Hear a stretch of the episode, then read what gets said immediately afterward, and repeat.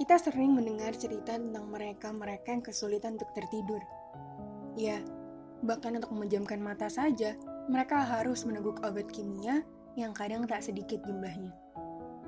Alasan mereka mengonsumsinya kadang membuat kita tercengang, sekaligus miris mendengarnya. Alasan itu seperti beban hidup yang buatnya stres, atau sesederhana tak mampu merasakan ketenangan serta kenyamanan dalam tidur. Hmm, Mari ku ajak menyelami kisah seorang sahabat.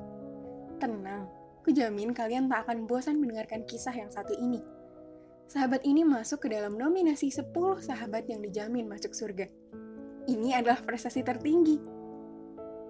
Tak hanya itu, sahabat ini adalah seorang pemanah ulung yang mendapatkan doa dari Rasulullah akan panahannya yang selalu tepat sasaran.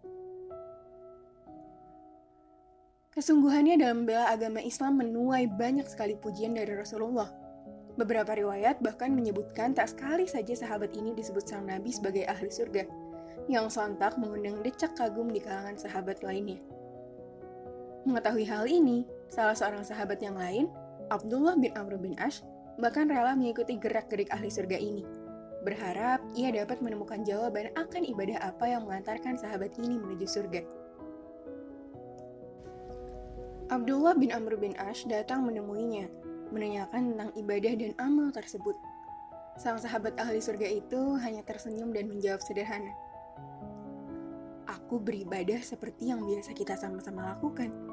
Hanya saja, aku tak pernah menaruh dendam atau niat jahat terhadap siapa pun selagi ia masih sama-sama muslim. Dan tidaklah aku tidur di malam hari kecuali tanpa menyimpan kebencian dan dendam kepada saudaraku. Ketahuilah White Seekers, ahli surga ini bernama Sa'ad bin Abi Waqqash, panglima Qadisiyah yang selalu menikmati tidur malamnya dengan kenyamanan dan ketenangan, karena tiadanya rasa kesal, marah, dan dendam yang ia simpan. Inilah salamatus sadar, kelapangan jiwa, kelapangan hati, dan kelapangan dada. Maka, mari kita semua berusaha meneladaninya, meneguk obat tidur ala sahabat ahli surga ini. Bukankah kita semua mengidamkan ketenangan yang sama dan surga yang sama?